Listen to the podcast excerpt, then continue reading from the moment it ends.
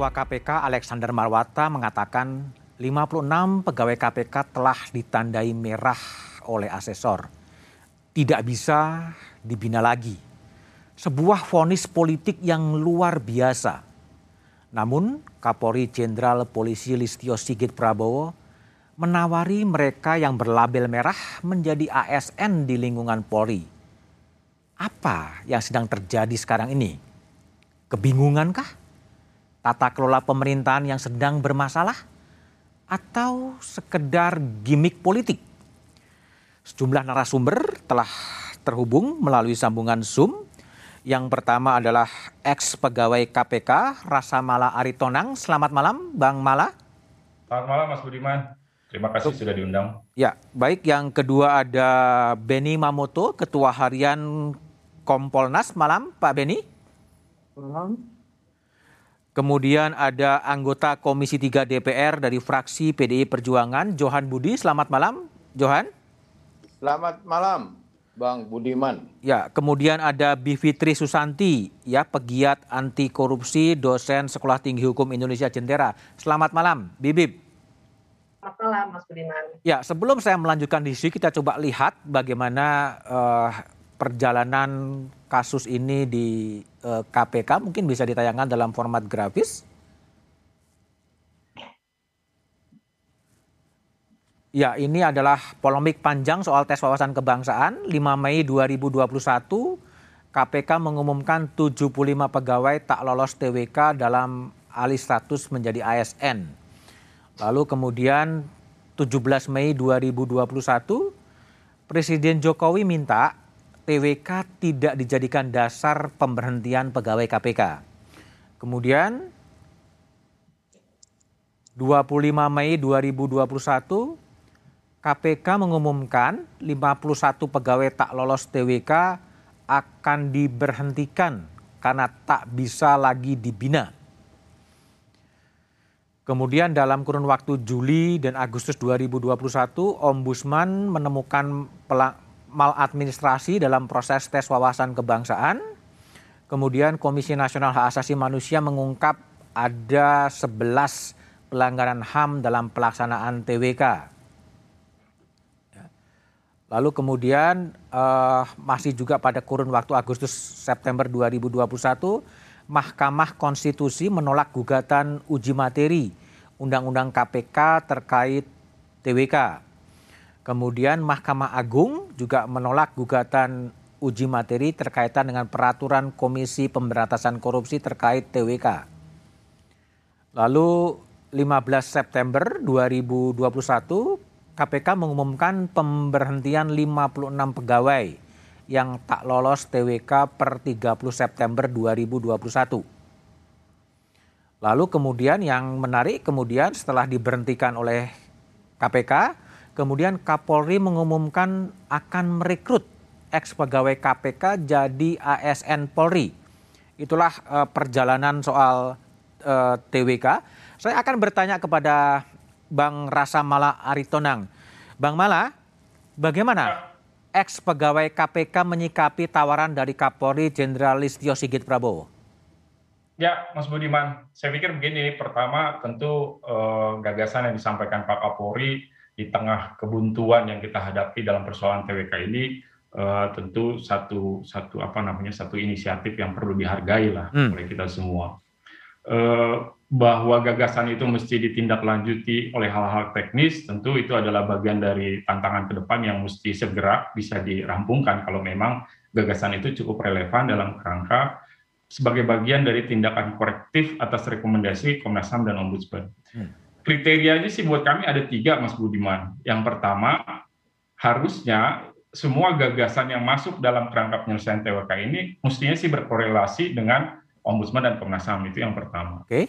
Yang kedua, gagasan untuk memperbaiki proses alih status ini harusnya tetap inline dengan misi dan visi pemberantasan korupsi.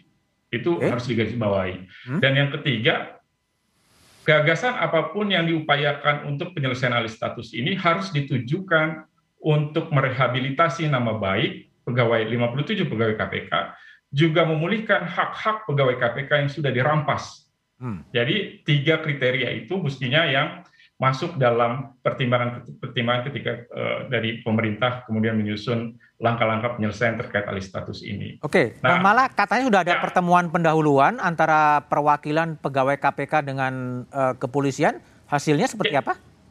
Ya, ya uh, betul Mas Budiman. Uh, lusa yang lalu, tanggal 4, kita memang ada pertemuan tim dari perwakilan 57 pegawai, juga dengan tim pemerintah, tetapi pertemuan itu memang masih pertemuan awal, jadi memang mesti kita lihat bahwa ini juga satu apa namanya langkah uh, yang tidak mudah sehingga memang harus dibuat betul perencanaan secara matang konsepnya dengan jelas juga berikut dasar hukumnya. Jadi lusa kemarin sudah bertemu tim dari uh, perwakilan pegawai juga dari tim uh, yang ditunjuk oleh Pak Kapolri Uh, masih pembicaraan awal dan uh, nampaknya ke depan masih harus meminta beberapa masukan dan pendapat dari beberapa ahli yang relevan dengan isu uh, apa yang terkait dengan gagasan Pak Kapolri untuk penempatan di kepolisian. Karena di situ ada isu soal kepegawaian, ada isu soal status dan seterusnya yang mesti didalami lebih jauh uh, supaya bisa matang konsepnya baru kemudian teman-teman 57 ini bisa lebih clear melihatnya dan mengambil keputusan soal uh, mana yang mau dipilih begitu Mas Budiman. Tapi secara umum bagaimana sikap uh, 56 atau 57 pegawai KPK terhadap tawaran dari Kapolri? Ya, sementara ini kami masih pada posisi yang menghargai apa yang disampaikan Pak Kapolri, tapi kan sebagai satu tawaran utuh, apakah kita mau ikut pada gagasan tersebut atau tidak, ini nampaknya masih harus uh, menunggu beberapa waktu, hmm. Mas Budiman, karena perlu untuk mematangkan konsepnya, rencananya apa, begitu, dan kembali lagi tiga kriteria tadi, apakah kemudian diakomodasi dalam uh, apa namanya dalam konsep teknisnya kalau iya tentu itu bisa diambil, kalau tidak tentu eh, teman-teman uh, sebagai pemegang hak juga punya pilihan yang lain. Saya pikir itu harus didudukan secara proporsional sih, Mas Budiman. Oke, baik Bung Rasamala. Saya ke Bivitri Susanti. Bib, jadi kalau Anda lihat tawaran Polri ini sesuatu yang serius atau sebetulnya gimmick politik sih? Kalau saya sih melihat perkembangannya sebenarnya gimmick politik, Mas Budiman. Gimmick politik. Karena iya, karena begini, kalau saya terlepas dari uh, apa namanya masalah diterima atau tidak, saya kira itu sepenuhnya terserah kepada kawan-kawan yang 57 plus ya. Hmm? Uh, tapi kalau dilihat dari ketatanegaraan, kita mesti lihat fenomena satu misalnya ya, uh, mengapa yang menyampaikan adalah seorang Kapolri. Oke. Okay. Padahal seharusnya uh, kepala pemerintahan kita itu presiden. Dia tidak hanya kepala seluruh ASN, termasuk BKN ya yang juga dipermasalahkan dalam proses ini, uh, tapi juga uh, ia telah menerima rekomendasi dari dua lembaga yang memang tugasnya memberikan rekomendasi kepada presiden, yaitu Ombudsman dan Komnas HAM. Jadi saya kira apa yang terjadi sekarang ini seperti menggeser permasalahan kita hmm? dari soal uh, apa pelemahan pemberantasan korupsi ke soal-soal yang uh, sebenarnya jadi mempersoalkan TWK dan juga mempersoalkan soal kepegawaiannya gitu ya. Bahwa ini apa namanya ada tawaran yang mungkin juga uh, jadi menarik untuk diperbincangkan sehingga kita bisa terus menerus menyoal apa apa yang sudah terjadi sejak 2019 saya kira uh, kita hanya bisa melihatnya berhenti di situ. Tapi masalahnya itu tadi seperti diungkapkan oleh Bang Rasa Mala ternyata belum ada konsep yang jelas ya. Hmm. tapi sudah dilontarkan dan oleh Kapolri begitu. Okay. Sehingga menimbulkan kebingungan soal tata kelola. Tadi Mas Budiman waktu pembukaan mengucapkan kata kunci itu. Jadi tata kelola pemerintahan kita ini seperti apa? Ketika ada sebuah tes yang dianggap sebagai suatu hal yang sangat uh, besar sampai dicap oleh Pak uh, Alexander Marwata katanya tidak bisa dibina, hmm. dibina lagi. Yeah. Uh, tapi ternyata kepolisian hmm. ya sebuah lembaga penegakan hukum dengan tangan terbuka mau menerima 57 plus okay. ini. Jadi pertanyaan besarnya adalah jadi TWK itu apa? Ya, jadi di satu sisi ada kebingungan tata kelola, tapi di sisi lainnya saya kira makin terang bahwa TWK itu tidak berarti apa-apa karena ternyata bisa dengan mudah diombang-ambingkan oleh keputusan politik semacam ini. Oke, baik. Baik, Bibip, saya pindah ke Pak Beni Mamoto. Pak Beni, sebagai Ketua Kompolnas, Ketua Harian Kompolnas, kalau Pak Beni lihat ya langkah dari Pak Kapolri Jenderal Listio mengumumkan akan merekrut itu, itu sebetulnya eh, bagaimana Pak Beni melihat eh, Kompolnas melihat pernyataan dari Pak Kapolri itu? Ya memang kita perlu melihat dulu dari rangkaian seperti tadi yang sudah ditayangkan bahwa ketika tanggal 30 September itu deadline-nya hmm? di mana keputusan untuk uh, keluar dari KPK uh, disampaikan, tentunya ada ketidakpastian nasib mereka. Oke. Okay. Nah ini kami melihatnya bahwa komunikasi Kapolri dengan Bapak Presiden, di mana Bapak Presiden kemudian melimpahkan untuk Kapolri menangani, menindaklanjuti dengan koordinasi dengan BKN hmm. dan uh, Menpan RB, ini menurut kami salah satu upaya hmm. untuk kebuntuan itu bisa dicarikan jalan keluar. Oke. Okay. Nah sekarang ini masalahnya kan sedang berproses. Oke. Okay. Jadi komunikasi awal pertemuan teman-teman dengan uh, eh, SDM Polri ini kan membangun komunikasi dulu untuk saling menjajaki sambil menunggu hmm. hasil rumusan BKN, Menpan RB dan Polri. Hmm. Ketika itu sudah ada, tentunya nanti akan diumumkan, bahkan mungkin akan diundang teman-teman karena itu nanti menyangkut bicara masalah hak, kewajiban, okay. kemudian juga masalah penugasan, kemudian ikatan dalam aturan yang ada di Polri dan sebagainya. Dan kalau Pak Beni, kalau tadi Bibip ini, mengatakan ini gimmick politik, kalau Kompolnas melihat ini apa? Keseriusan dari Pak Kapolri menawari atau gimana? Kami kami melihat sendiri langkah yang diambil ini hal yang serius. Serius, oke. Okay. Karena langsung ASDM turun, langsung berkoordinasi, hmm. langsung rapat-rapat dilakukan, dan ini perlu waktu, tidak seperti membalik tangan. Karena hmm. kata kuncinya adalah Polri tidak boleh kemudian nanti menabrak aturan atau melanggar undang-undang yang berlaku. Nah, kami hmm. sebagai Kompolnas selaku pengawas eksternal tentunya mengawal ini. Jangan sampai itu terjadi. Oke, saya pindah ke Johan Budi ya. Johan Budi ini pernah juga di KPK, pernah juga di juru bicara presiden dan kemudian pindah ke Komisi 3 DPR. Jo, jadi kalau dilihat sekarang ya, eh, apa bagaimana Anda melihat rencana Polri ini untuk merekrut pegawai-pegawai eh, KPK itu seperti apa? Keseriusan atau gimmick politik atau juga ini memang sikap presiden? Tapi analisa Anda setelah jeda berikut ini.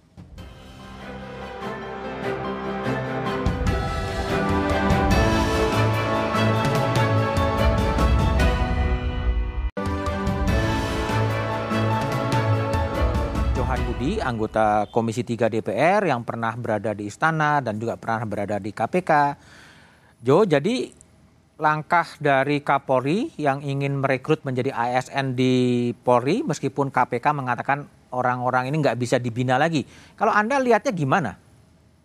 Ya, pertama saya lihat eh, Pak Kapolri ini eh, sebagai eh, niat baik ya hmm. untuk eh, membantu kebuntuan tadi yang disebut oleh Rasa Mala antara pimpinan KPK yang sekarang dengan 57 eh, atau 56 hmm. Eh, pegawai KPK.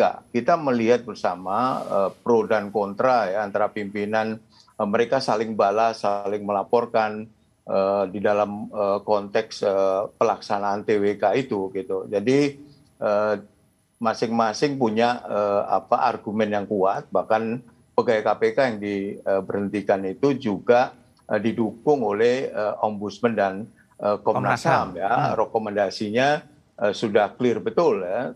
Tetapi pimpinan KPK juga punya pendapat sendiri yang kemudian pendapat itu teguh di apa dipegang gitu. Nah ini ada kebuntuan ini ya. Pimpinan hmm. KPK lembaga KPK ngotot nggak mau menerima mereka sebagai ASN di sisi yang lain Eh, teman-teman yang uh, pegawai KPK yang 56 itu juga berusaha semaksimal mungkin uh, apa namanya uh, men-challenge ya hmm. apa yang sudah diputuskan oleh uh, pimpinan KPK. Karena itu uh, di awal uh, waktu itu uh, saya sebut sebagai uh, jalan tengah untuk jalan kebuntuan antara pimpinan KPK dengan pegawai uh, KPK yang 56 atau 57 itu. Tapi yang perlu dicermati uh, bersama adalah uh, sejauh mana prosesnya ini yang perlu kita awasi bersama ya. Hmm. Uh, dan Kapolri sendiri sudah menyampaikan bahwa dia akan berkoordinasi dengan uh, BKN dan uh, Menpan RB Menpan dan RB. itu harus di, di, dilakukan menurut saya. Saya sejak awal uh, berkali-kali sudah saya sampaikan uh, sebelum banyak yang berkomentar soal ini uh, apa alih status. Saya selalu menyebut alih status ya. Saya saya nggak mau menyebut uh, itu tes untuk menjadi ASN gitu. Hmm. Karena proses yang dilakukan oleh KPK itu tidak uh, tidak menggunakan proses awal menjadi ASN. Hmm. Ini karena ada revisi Undang-Undang KPK ya. 30 2002 menjadi 19 uh, 2019 yang seharusnya menurut saya adalah otomatis menjadi ASN. Otomatis. Dan ya. ketika ya. mereka alih status, tes yang diberikan kepada uh, teman-teman di KPK uh, itu juga tidak sama dengan ketika proses orang menjadi ASN. Hmm. Karena kan ada syarat umur dan lain sebagainya kan. Oke. Okay. Karena itu sejak awal saya sampaikan seharusnya uh, perubahan undang-undang itu uh, tidak uh, mengakibatkan ada pemberhentian ya, apalagi sampai uh, 56 atau 57 harusnya mereka otomatis menjadi ASN dan itu sudah terjadi gitu loh. Yeah. Uh, apa uh, mereka berargumentasi pimpinan KPK berargumentasi dengan dasar-dasar yang mere menurut mereka Nah, itu sudah sesuai dengan apa yang mereka yakini ya. Uh, pegawai KPK juga uh, sama ya, bahkan uh, itu tadi yang saya sampaikan dengan ombudsman dengan Komnas HAM. Ini kan jalan buntu gitu. Jalan ya. buntu. Kemudian uh, saya melihat Pak Kapolri ini sebagai uh, niat baik ya untuk kemudian uh, ikut menyelesaikan uh, kebuntuan ya. Tadi ya. Rasa Mala sudah jelas uh, menyebut sebagai uh, kebuntuan ya. Beberapa waktu yang lalu ya Bang Jo, saya boleh boleh konfirmasi sedikit nggak? Begini, yang saya masuk kebuntuan itu bukan dalam kerangka kebuntuan dengan pimpinan KPK, karena sebenarnya urusan dengan pimpinan KPK itu sudah disampaikan lewat rekomendasi Komnas HAM dan Ombudsman, ada pelanggaran di sana yang dilakukan oleh pimpinan KPK gitu. Bahwa pimpinan KPK tidak mau melaksanakan rekomendasi yang disampaikan dua lembaga itu, berarti itu pengabaian itu sudah selesai.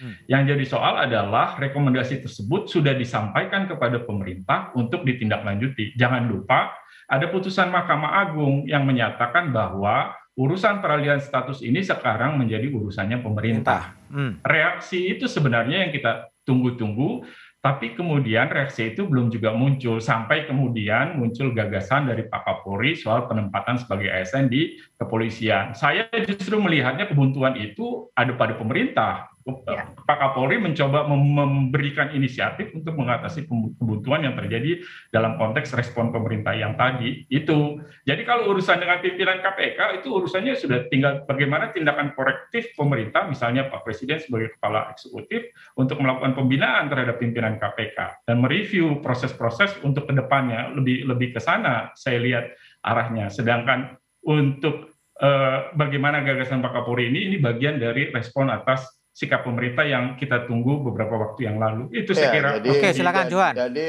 jadi Kalau gini. saya tambahkan, apa, coba sama Bibi biar Johan dulu. Jadi coba gini, saya mau, mau sedikit menambahkan deh. Kebuntuan yang sebentar, saya maksud tadi, hmm. uh, setelah ada uh, tawaran dari Kapolri, itu kan menjawab kebuntuan tadi yang Rasa Malah barusan menyampaikan uh, bahwa uh, itu versi pemerintah uh, ya itu urusan uh, apa soal persepsi ya. Tapi saya melihat ini kan ramai di media hmm. antara pimpinan KPK dengan uh, pegawai KPK okay. 56 dan 57 kan hmm. uh, tidak inilah apa uh, apa masing-masing uh, dan pimpinan KPK meskipun ada rekomendasi dari ombudsman, meskipun ada uh, dari Komnas HAM, tapi pimpinan KPK kan tetap saja tetap bersikuku, uh, apa, bersikuku gitu hmm. loh. Karena ya, itu harus ada jalan keluar. Sedikit. Jalan keluar uh, apa salah satu ya yang kemudian ada inisiatif dari Kapolri. Uh, Kapolri menawarkan okay. ya tentu ini ya tentu uh, tawaran itu harus dilihat lebih detail lagi ya seperti apa kemudian okay. juga nanti kembali ke teman-teman yang 57 uh, pegawai itu karena ini hak kan terima atau atau tidak. Ini proses sedang berlangsung gitu. Oke, oke. Baik, okay, tapi begini Bip. Mas Budiman, uh, terlepas dari soal teknisnya, oke okay lah kita sepakat lagi berjalan harus dibicarakan. Tapi begini, saya mau tarik lagi ke isu awalnya. Isu awalnya adalah Kapolri yang menawarkan, hmm. ya kemudian Presiden setuju. Kan pertanyaan mendasarnya begini, kita kan tidak bisa berasumsi bahwa Kapolri itu bergerak sendiri tanpa sepengetahuan Presiden. Kalau iya berarti pembangkangan dong. Dan saya tidak yakin itu dengan melihat konstelasi politik yang sekarang. Pak Kapolri kita bukan orang yang uh, tiba-tiba muncul sendiri tanpa apa courtesy call atau koordinasi atau apa pun kepada atasannya yaitu presiden begitu ya. Sehingga pertanyaannya adalah kenapa Pak Jokowi tidak langsung bergerak sendiri? Karena yang harus saya Ya, Bib, terputus. Oke, Johan, mungkin tadi bisa yang mungkin Apakah sudah tersambung lagi? Ya oke, okay, oke. Okay. Karena uh, yang harus saya luruskan adalah rekomendasi dari Ombudsman maupun Komnas HAM itu perginya ke Presiden. Oke. Okay.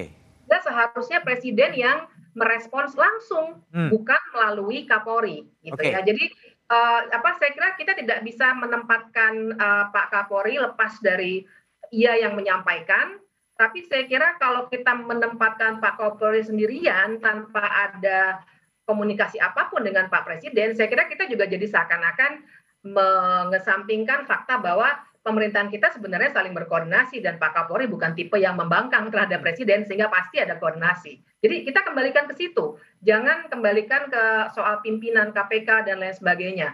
Tapi pertanyaan besarnya itu tadi, kenapa bukan Presiden hmm. yang respons padahal rekomendasi jelas ke, pre ke Presiden oleh Komnas HAM maupun oleh Ombudsman. Oke, baik Johan bisa menjawab, bisa merespon meskipun tidak lagi mewakili istana, mengapa bukan presiden sendiri yang tampil kepada publik? Ya, kalau kita cermati yang disampaikan oleh Pak Kapolri bahwa uh, dia sebelum uh, menstate ya, hmm. uh, itu sudah berkoordinasi dengan uh, istana, okay. ya, artinya dengan presiden hmm. uh, dan presiden setuju gitu setuju. dengan langkah itu. Hmm. Kalau saya yakin uh, kalau Pak Presiden nggak setuju, Pak Kapolri tidak akan melakukan itu gitu. Hmm. Jadi ini sikap presiden sebenarnya. Okay. Dan sebelumnya okay. kalau mau dicermati Pak Jokowi itu sudah menyatakan sikap ya hmm. sebagai kepala pemerintahan uh, menyatakan bahwa TWK itu jangan sampai jadi alat untuk pemecatan. pemberhentian, okay. pemecatan. Hmm. Itu sudah disampaikan. Ya. Tapi pelaksananya siapa? KPK kan, pimpinan ah. KPK. Kenapa tadi saya ngomong nggak bisa kita nggak ngomong soal pimpinan KPK. Orang ini eh, sikap dari eh, lembaga pimpinan eh, KPK yang eh, kemudian eh, mengadakan TWK dan kemudian eh, memutuskan untuk eh, memberhentikan gitu. Jadi saya kira apa yang disampaikan oleh Kapolri sekali lagi eh, itu adalah sikap eh, presiden ya. Saya aku yakin 100% kalau Pak Jokowi nggak setuju, Pak Kapolri tidak akan berani. Oke. Okay. Kapolri itu bawahnya presiden. Bawahnya presiden, ya. Tapi iya, gini Kak Jo, Jo. Rumputnya eksekutif. Jo, jadi kalau lihat pidato Presiden 17 Mei kan mengatakan bahwa jangan menjadikan TWK sebagai alasan untuk memberhentikan. Ya, ya itu kan udah ya, jelas ya. Itu. Tapi sekarang kan kenyataannya kan kemudian diberhentikan gitu loh. Anda lihatnya gimana sebetulnya pimpinan KPK-nya nih? Lah ya kan dia apa sudah uh, statement tapi pimpinan KPK uh, eh, tidak uh, apa atau tidak menuruti lah apa Kok bisa ya pimpinan KPK nggak nurut? Loh, kalau itu jangan tanya ke saya. Lo bacaan Anda sebagai apa? anggota Komisi 3 DPR? Loh ya, saya nggak tahu kenapa dia tidak menolak. Kenapa dia menolak ah. apa yang disampaikan oleh Pak uh, Jokowi. Nah, karena itu uh, kepolisian ini kan bagian dari pemerintah, okay. Pak. Baik. Sama dengan pemerintah polisi ini. Kemudian polisi menawarkan itu tadi ya. solusi ya. menurut saya sih bukan masalah. Oke.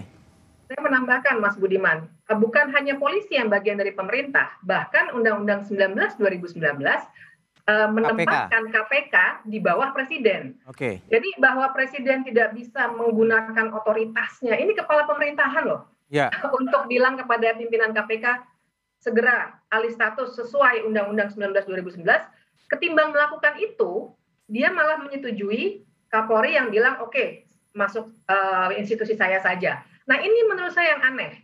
Apa penyebabnya seorang presiden itu uh, mengelak dari tanggung jawabnya sebagai kepala pemerintahan dan Undang-Undang 19 2019 dan malah menyerahkan uh, penyelesaian ini semua melalui suatu retorik atau ya tawaran politik begitu ya. Saya okay. sebut tawaran politik karena baik. memang dalam undang-undang tidak begitu jalannya. Oke, baik Pak Beni. Jadi kalau Pak Beni lihat ini gimana ya? Ini ke bagi publik kan sebenarnya agak bingung ya. Bingung adalah setelah ya. dinyatakan merah ya oleh Alexander Marwata mengutip asesor, tidak bisa dibina lagi gitu kan. Kemudian ada perintah dari apa eh, presiden pun awalnya jangan di jangan diberhentikan tapi diberhentikan. Kemudian direkrut oleh kepolisian. Ini yang bingung ini sebetulnya publiknya bingung. Ini sebetulnya TWK-nya gimana? Kalau menurut alasan Pak Beni, analisanya seperti apa? Tapi jawaban Pak Beni setelah jeda berikut ini saja.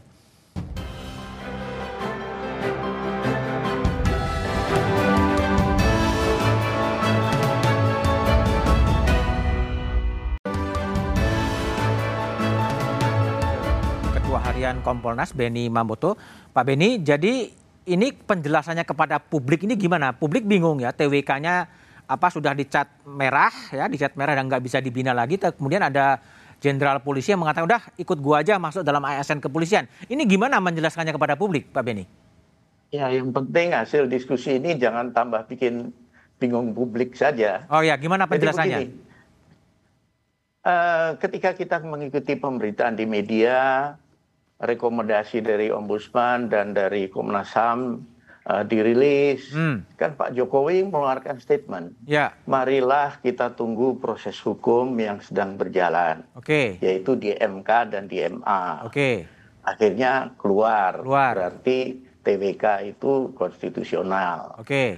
Dari KPK mengumumkan bahwa tanggal 30 nanti akan uh, ada pemberhentian. Oke. Okay.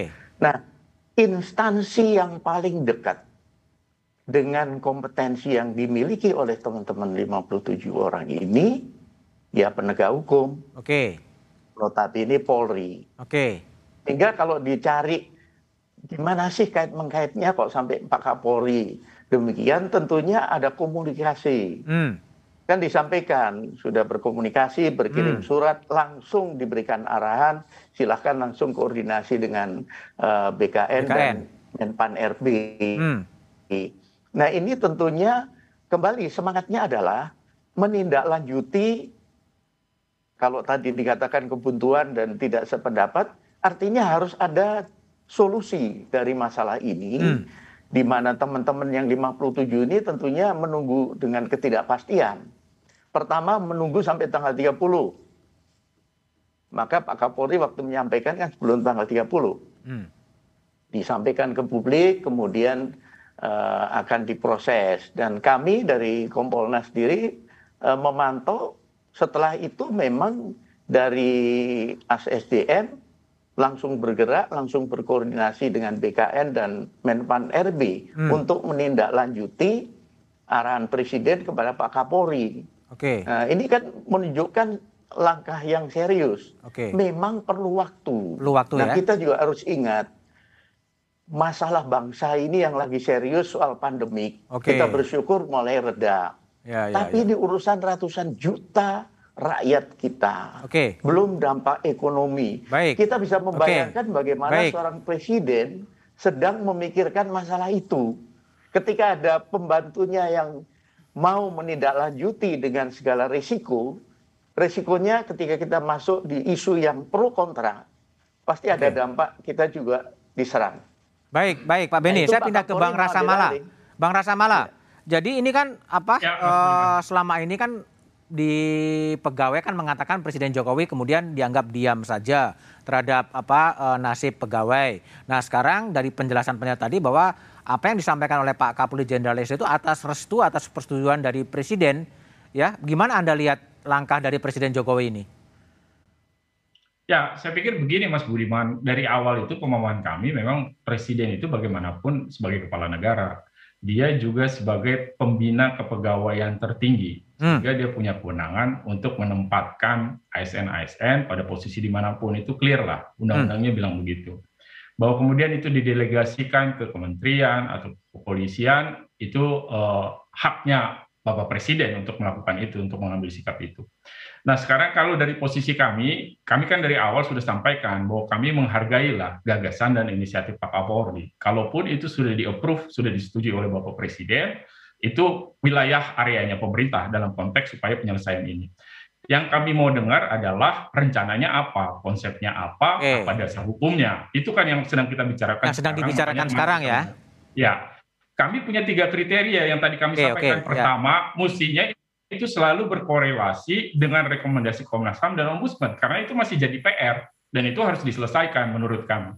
Kemudian yang kedua, kalaupun gagasan itu adalah mengutilisasi 57 pegawai, maka upaya untuk memanfaatkan kemampuan 57 pegawai ini masih harus konsisten dengan visi pemberantasan korupsi. Itu kerangka berpikir kami. Yang ketiga, ini harus diarahkan untuk merehabilitasi nama baik dan memulihkan hak-hak 57 pegawai KPK. Oke. Jadi apa yang sudah dirampas dari pegawai KPK itu mesti dikembalikan, dipulihkan kembali tentu tetap dengan ruang karena kami yang punya hak tentu kami tetap punya ruang kebebasan untuk kemudian memutuskan apakah kemudian gagasan ini bisa inline dengan uh, apa namanya rencana-rencana perjalanan kami atau tidak itu kan tetap ada ruang yang harus dihormati juga. Oke baik Kira-kira posisi kami baik. ada di situ Mas Budi. Ya baik saya pindah ke Bivitri. Bib jadi kalau Bibip lihat ya ini kan Pak di awal kan 17 Mei Presiden mengatakan TWK jangan dijadikan alasan untuk memecat ya. Kemudian ketika dipecat kemudian diam saja itu nggak ada respon dari Presiden tapi Presiden kemudian merestui langkah Kapolri untuk merekrut uh, eh, 56 atau 57 pegawai uh, eh, KPK. Bibip lihatnya gimana ini sebetulnya? Ya itu dia. Jadi saya tidak mempermasalahkan Kapolrinya ya bahwa ada gagasan ini izin dulu atau tidak dan lain sebagainya itu uh, konteks yang berbeda ya. Silakan kita hargai sama-sama. Hmm. Tapi uh, menurut saya kita harus kembali mempertanyakan posisi presiden. Itu tadi presiden punya waktu empat bulan loh sejak menyatakan 17 Mei sampai dengan tadi, tadi saya hitung Mei ayah dan seterusnya sampai September empat bulan. Tidak ada yang dilakukan meskipun uh, Komnas HAM sudah memberikan rekomendasi yang sangat jelas berlembar-lembar saya sudah baca. Ombudsman juga sangat jelas berlembar-lembar juga tapi sama sekali tidak melakukan apa-apa. Hingga kemudian ada gagasan ini dan disetujui oleh presiden. Jalannya muter begitu ya. Hmm. Kan jadi pertanyaan besarnya mengapa sih presiden tidak tidak mengambil inisiatif sendiri saja? Kalau toh 17 Mei sudah mengatakan bahwa jangan sampai ini merugikan uh, 57 orang itu waktu itu 75 ya. Nah, jadi kan pertanyaan ini dijawabnya adalah berarti jangan-jangan memang tidak ada komitmen untuk hmm. pemberantasan korupsi. Jadi ini juga yang dicoba di frame kan oleh para buzzers ya bahwa ini soal ketenaga kerjaan bukan, ini soal pemberantasan korupsi. Jadi okay. bahwa seorang presiden tidak mau melakukan sesuatu yang begitu terang benderang uh, sampai dua lembaga negara, Ombudsman dan Komnas HAM sudah menerangkan sesuai otoritas mereka masing-masing, tetap tidak mau mengambil keputusan mengenai 57 plus ini, berarti komitmen pemberantasan korupsinya yang mesti dipertanyakan karena itu tadi Undang-Undang 19 2019 yang uh, kita ributkan karena memang menempatkan KPK jadi ke eksekutif itu menegaskan bahwa kepala dari pimpinan KPK adalah presiden. Oke. Jadi baik. bukan soal intervensi buat saya, tapi memang menjadi tanggung jawab seorang uh, kepala pemerintah berdasarkan Undang-Undang 19 untuk uh, memerintahkan pimpinan KPK untuk segera uh, mengembalikan status 57 pegawai ini. Oke, Bibip, kira pertanyaan gini, Apakah ini terjadi karena begitu kuatnya Komisaris Jenderal Firly Bahuri sehingga permintaan-permintaan presiden pun kemudian dikesampingkan atau presiden bermain dua kaki sebetulnya, panggung depan dan panggung belakang. Apa yang terjadi sebetulnya? Kalau kekuatan seorang Firly Bahuri saya kira uh, seorang diri Uh, tidak bisa kita lihat sebagai apa superpower bahkan kok bisa melebihi presiden. Saya kira tidak sesederhana itu juga ya. Artinya Tapi apa? kita mesti melihat jaringan di sekeliling Firly Bahuri. Hmm. Yang jaringan saya kira apa? juga akan bagi, uh, jaringan aktor politiknya. Ya kita harus kaitkan juga dengan kondisi sekarang ya dengan dan ada politisi yang sudah ditangkap lagi dan di apa di uh, tersangkakan lagi dan lain sebagainya dan kita harus ingat bahwa Undang-Undang 19 2019 itu ditetapkan hampir bersamaan hmm. dengan masuknya lima komisioner KPK yang sekarang yang mengeluarkan keputusan soal TWK dan pemecatan ini. Jadi ini skenario besar gitu. Jadi tidak skenario besar ya.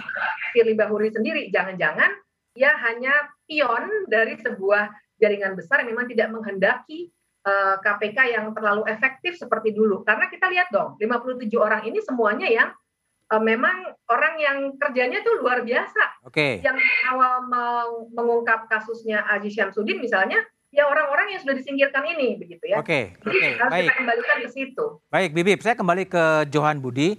Jo, hmm. jika Johan Budi kan sangat pernah dekat mendampingi Presiden Jokowi, memahami bahasa-bahasa tubuh, gaya komunikasi dari uh, Presiden Jokowi. kalau bacaan Anda, sebetulnya yang diinginkan oleh Presiden itu sebetulnya apa sih terhadap 57 atau 56 atau terhadap KPK-nya itu sendiri? Ya, jadi uh, tentu kita tidak bisa uh, menyetir atau memaksa persepsi orang ya, hmm. terhadap Pak Jokowi atau hmm. terhadap pemerintah. Masing-masing punya uh, pandangan uh, yang bisa berbeda, gitu ya. ya. Pandangan Bivitri tadi mungkin juga bisa berbeda dengan uh, pandangan uh, pihak lain ya. Hmm. Jadi itu haknya lah untuk. Tapi saya uh, menurut saya dalam konteks ini Pak Jokowi tidak diam saja. Tidak diam. Saya. Kapolri kalau tidak ada uh, diskusi terlebih dahulu dengan Pak Jokowi, saya yakin dia tidak akan berani, Pak. Hmm. Karena itu apa yang dilakukan oleh Kapolri dengan menawarkan ASN yang kemudian ditanggapi secara positif oleh teman-teman 57 uh, apa pegawai yang diberhentikan itu itu adalah langkahnya Pak Jokowi juga gitu. Dan beberapa waktu yang lalu kan Pak Jokowi sudah menyatakan sikap bahwa TWK jangan uh, kemudian membuat ada pegawai KPK yang diberhentikan. Bahkan hmm. dia menyitir apa yang disampaikan oleh keputusan Mahkamah, Mahkamah Konstitusi. Konstitusi. Ya, itu kan dia bersikap. Ya, ya, Bukan ya. dia ini ini ini pandangan saya ya. ya. Sekali lagi ya. orang boleh saja punya persepsi persepsi itu kan dilatar belakangi oleh eh, pemahaman yang ada uh, orang yang mempersepsikan gitu ya. Okay. Jadi uh, tentu uh, persepsi itu bisa dibangun dari asumsi ya. ya. Tapi uh, itu uh, inilah apa uh, terserah lah. Ya. Bang Johan. Oke, okay. Mas Budiman. Baik, baik. Sebentar, Bang Mala. Enggak, enggak. Menurut saya Pak Jokowi itu tidak diam saja. Tidak diam saja ya. Oke, saya, Pak Beni. Saya, saya saya tidak tahu benar. Saya tidak tahu karena saya sudah tidak berada di sana bagaimana proses uh, ketiga uh, Pak Jokowi yang menyatakan uh, sikap ya uh, uh, memberikan statement tanggal 17 yang tadi 17 Mei uh, Bu Diman ya, sampaikan ya. itu uh, rentetan itu kan ada peristiwa-peristiwa ya. Hmm. Ya peristiwa-peristiwa itu jangan dilihat hanya Pak Jokowi ngomong gitu loh. Itu hmm. ada peristiwa yang tidak panggung belakangnya ya. Media, ya. Oke. Okay. Oleh media. Dan okay. saya tidak tahu itu. Baik, Malah silakan Bu Malah. Ya, ya saya, saya mau ya sedikit Mbak Bibip sebelum ke Mbak Bibip. Saya mau bilang begini, ini nggak bisa dilihat Mas Johan hanya dalam kerangka persepsi subjektif masing-masing sulit kita dalam konteks bernegara bicara bahwa masing-masing boleh punya persepsi yang beda-beda ya udah begitu aja gitu. Nggak begitu. Menurut hemat saya semua yang kita lakukan penyelesaian ini harus ada basis hukumnya. Hmm. itu makanya kemudian kita mengajukan laporan ke Komnas HAM dan Ombudsman juga mengajukan judicial review ke Mahkamah Agung dan lain sebagainya. Itu upaya-upaya secara konstitusional punya basis hukum. Bahwa tanggal 17 Eh, Mei Bapak Presiden menyampaikan pidato itu juga dikutip dalam rekomendasi Ombudsman dan Komnas HAM. Makanya tadi Mas Budiman mengkonfirmasi bahwa rekomendasi itu tidak diikuti atau diabaikan oleh pimpinan KPK. Terus apa? Terus bagaimana reaksinya? Itu sebenarnya yang belum terjawab sampai sekarang. Dan menurut hemat saya itu masih akan jadi PR ke depan Walaupun kemudian satu bagian yang lain sedang diupayakan untuk menyelesaikan lewat gagasan Pak Kapolri misalnya. Oke. Okay. Itu itu maksud saya poin saya ada di sana. Tetap masih tersisa ada satu PR yang mesti diselesaikan ke depan. Itu. Iya. Jadi saya melanjutkan ini sejadinya ya. Bagus juga ditekankan bahwa sesungguhnya apa yang tadi saya sampaikan tidak berdasarkan asumsi dan persepsi, tapi berdasarkan peraturan perundang-undangan yang berlaku. Tadi sudah Betul. sudah saya sebutkan Undang-Undang 19 2019 Kemudian ada putusan MK, putusan MA, rekomendasi ya. Komnas HAM. Ini lembaga negara loh, bukan bukan organisasi non pemerintah ya. Uh, Ombudsman Republik Indonesia juga sudah memberikan. Jadi semua itu kerangka hukumnya sangat jelas. Tapi begini yang ingin saya uh, apa kejar juga ini Mas Budiman, kan dikatakan oleh uh, apa dikatakan tadi uh, oleh Mas Jo bahwa presiden bukannya tidak diam saja. Nah, pertanyaannya tidak diam sajanya kenapa tidak dikembalikan ke KPK seperti yang dipidatokan pada 17 Mei? Karena kan tadi gagasannya begitu.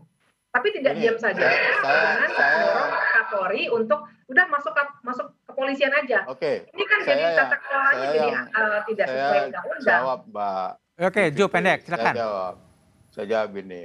Yang saya maksud tadi asumsi dan persepsi itu bukan langkah ke Ombudsman dan Komnas HAM, yang saya sebut persepsi dan asumsi itu yang eh, tadi Mbak Bivitri sampaikan ada kelompok politik yang berada di belakang eh, hmm. Firly, kemudian ya. ada presiden tidak melakukan apa-apa. Ya itu yang maksud saya okay. sebagai asumsi dan persepsi bahwa hmm ada langkah ombudsman Komnas itu langkah-langkah yang uh, clear, yang okay. terang, yang yang ada di dalam aturan perundang-undangan. Itu maksud saya yang persepsi asumsi tadi, ya. bukan baik, merangkak ke ombudsman dan uh, Komnas HAM, rasa malah salah juga. Oke, okay, baik Pak Beni.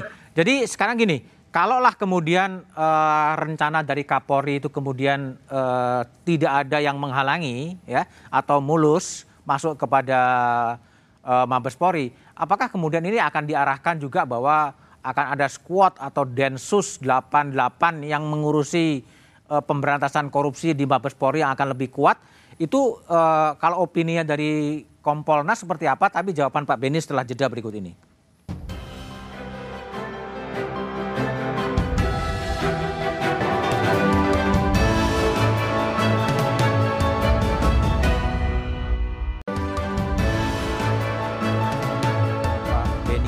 Ketua Harian Kompolnas. Pak Beni, jadi seandainya memang 57 ini masuk dalam struktur ASN di kepolisian, apa sih seharusnya yang bisa dioptimalkan dari uh, sumber daya yang ada di XX KPK ini? Ya, kalau kita lihat data yang ada di media saja, kita bisa melihat sekitar kalau tidak salah ya, sekitar 20-an itu yang ada kaitannya dengan penyidikan sebagai penyelidik dan sebagainya. Okay. Di luar itu kan macam-macam. Hmm. Ada yang dari humas, ada yang ya. dari apa namanya LHKPN dan sebagainya. Hmm. Nah tentunya SD, SDM nanti akan melihat dulu CV-nya, kemudian kompetensi yang dimiliki. Nah, dari itulah nanti akan diarahkan ke bidang yang ada relevansinya dengan kompetensi yang dimiliki. Nah kalau tadi Pak Budiman ngomong densus anti korupsi segala macam, banyak perwira kita yang dulu tugas di uh, eh, KPK sudah kembali hmm. dan itu banyak sekarang di Direktorat Tindak Pidana Korupsi juga okay. ada yang di kewilayahan seperti Pak Aris Budiman sekarang hmm. Kapolda di Kepri, yeah. kemudian sudah tersebar di mana-mana. Jadi kalau dalam konteks tadi disebut densus, karena saya sudah pernah nangani teror, narkoba, dan korupsi, kalau mau lihat kualitas paling berat itu teror. Karena okay. pelakunya bersembunyi. Kemudian narkoba sama. Korupsi itu pelakunya nggak sembunyi, Pak. Hmm. Ada, kelihatan. Tiap hari ada di kantor. Tapi nggak bisa nangkap? Sehingga, sehingga itu sebenarnya lebih mudah. Gitu. Oh, lebih mudah kalau mau ya? alat sadap sudah selesai semua itu. Okay. Nah, ya itu kita tunggu Pak. Jadi okay. mekanisme dulu aturannya sedang dirumuskan. Ya? Kalau sudah disepakati, kemudian itu dievaluasi tidak menabrak aturan perundang-undangan, baru jalan. Tentunya diundang dulu, sepakat, mekanismenya dijelaskan, kemudian kelengkapannya dilengkapi, baru internal SDM yang nantinya akan e, menempatkan mereka dari mana. Baik, Bivitri, jadi apa yang di, harus dikerjakan sekarang baik oleh pegawai, baik oleh Kapolri dan Presiden Jokowi? Ya, jadi uh, kalau boleh sebentar Mas Budiman, saya mau menjelaskan sedikit soal apa namanya itu asumsi dan persepsi tadi itu. Sebentar aja. Karena begini, soal jaringan politik yang tadi saya coba jelaskan untuk mencoba menjelaskan apa yang tengah terjadi, itu sebenarnya kita harus sadari loh, itu adalah satu-satunya penjelasan yang memungkinkan, dan ini bukan asumsi, karena ini ilmunya sendiri kalau dalam ilmu politik. Satu-satunya penjelasan yang memungkinkan kita untuk memahami uh, apa apa yang terjadi pada saat ini. Kenapa? Karena penjelasan yang lainnya mesti kita tepis. Misalnya hmm. bahwa Pak Firly itu lebih kuat dari Pak Jokowi. Ya nggak mungkin lah, pasti harus ditepis. Kemudian kemungkinan keduanya adalah Presiden belum baca hmm. uh, rekomendasi Komnas HAM dan Ombudsman. Ya masa sih kan nggak mungkin kita berasumsi baik justru bahwa ini juga harus kita tepis dan banyak penjelasan lainnya yang memungkinkan untuk dijelaskan dan dikaitkan sejak reformasi di korupsi 2019 adalah jaringan besar ini. Nah, itu satu. Kalau pertanyaan Mas Budiman tadi, jadi apa nih yang harus dilakukan? Itulah ya, saya setuju sekali dengan Pak Beni bahwa memang ini rumit begitu. Hmm. Itulah makanya yang jadi pertanyaan juga, mengapa presiden harus menyetujui mengambil jalan yang rumit ini ya dengan wah harus jangan sampai ada yang ditabrak karena 57 plus itu tidak semuanya penyidik, yeah. kompetensinya beda-beda dan seterusnya. Mengapa harus mengambil jalan ini? ketimbang mengikuti apa kata Komnas HAM dan Ombudsman yang semuanya sudah melakukan penelitian okay. juga dengan BKN. Tapi kan itu kan sudah terjadi semua, Bib. Yang dikerjakan apa? Itu kan semua sudah terjadi. Sekarang sebaiknya apa? Ya, sebaiknya tentu saja sekarang eh, uh, 57 ini harus mendengar dulu penjelasan yang konkret. Saya kira okay. tetap harus berpegang pada tiga ukuran yang tadi hmm. disampaikan hmm. oleh Bang okay. Rasa Mala. Kalau tidak, maka ini akan menjadi gimmick politik saja. Jadi mereka dipermainkan begitu karena bukannya uh, beralih status malah ditawarkan ke institusi lain. Oke, baik, Bang Mala. Jadi uh, sikap pegawai ini kan negosiasi yang belum belum tentu akan selesai dalam seminggu atau dua minggu. Apa harapan Anda? Ya, pertama gini Mas Budiman, kita belum memutuskan sama sekali apakah kita akan mengambil gagasan ini atau tidak. Itu dulu pertama ya. Yang kedua, kita uh, akan sangat kooperatif untuk mendengarkan penjelasan dan bagaimana rencana serta konsep dari pemerintah CQ Pak Kapolri hmm. terkait dengan uh, rencana gagasan yang sudah disampaikan tersebut.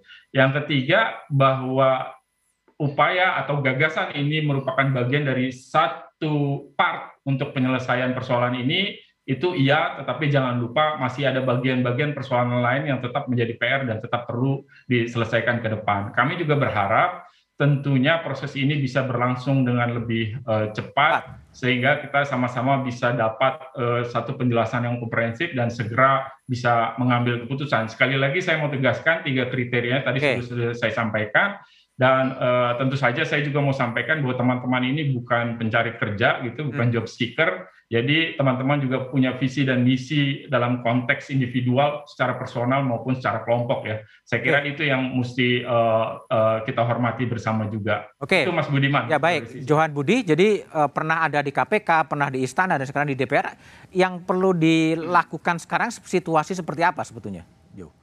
Ya, jadi kalau mau bahas soal persepsi dan asumsi mungkin bisa lima jam itu. Sambil ngopi lah itulah. Sekarang aja ke depan gimana?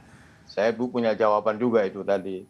Tapi gini, kita menatap ke depan lah. Ya. Hmm. Ini, ini yang kemarin itu biar jadi catatan sejarah. Catatan sejarah. Apa ya apa apa yang terjadi itu kan nggak hilang. Hmm. Akan menjadi catatan sejarah bagaimana pemerintah yang sekarang ini dalam konteks pemberantasan korupsi. Biar publik yang menilai itu. Okay. Ini kan sudah berlalu. Mari kita tetap uh, ke depan jadi ini udah ada tawaran yang tadi judulnya masalah atau solusi. Saya lebih memilih bahwa tawaran ini adalah solusi. Uh, solusi. Sambil kita lihat ke depan bagaimana Polri ini kemudian bisa ya uh, apa mengakomodir apa tadi yang disampaikan oleh Rasa Mala tiga hal tadi gitu ya. Ini kan perlu waktu, perlu proses seperti disampaikan oleh Pak uh, Beni. Tentu Polri tidak bisa berdiri sendiri, Pak Polri juga harus berkoordinasi sama BKN dan juga uh, sama Menpan RB. Nah itu nanti yang kita lihat bersama, kita kawal okay. bersama.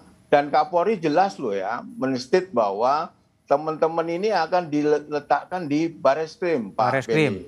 Bareskrim. Ya. Setahu saya Bareskrim itu yang ngurusin uh, pemberantasan korupsi kan. Ini okay. pas klop gitu loh. Tinggal ya. bagaimana nanti itunya. Nanti kita lihat, kita lihat Baik, bersama. kita tunggu ya akhir. Itu akhir dari permainan. Oke, ya. baik Johan. Terima kasih Rasa Mala, Pak Beni dan Bibip terima kasih telah bergabung di satu meja The Forum. Terima kasih, Mas. Perjuangan melawan korupsi memang berat. Selalu ada perlawanan, selalu ada tekanan, selalu ada ancaman dan kini berujung pemecatan. Sejarah Indonesia juga mengajarkan selalu ada masa gelombang balik para koruptor. Hanya dengan kepemimpinan yang kuat dan punya komitmen yang bisa membereskan Indonesia dari endemi korupsi. Demikian satu meja di forum malam ini. Pandemi belum berakhir, tetap gunakan masker, hindari kerumunan, dan jangan lupa cuci tangan, dan jangan lupa ikut vaksinasi. Selamat malam dan terima kasih.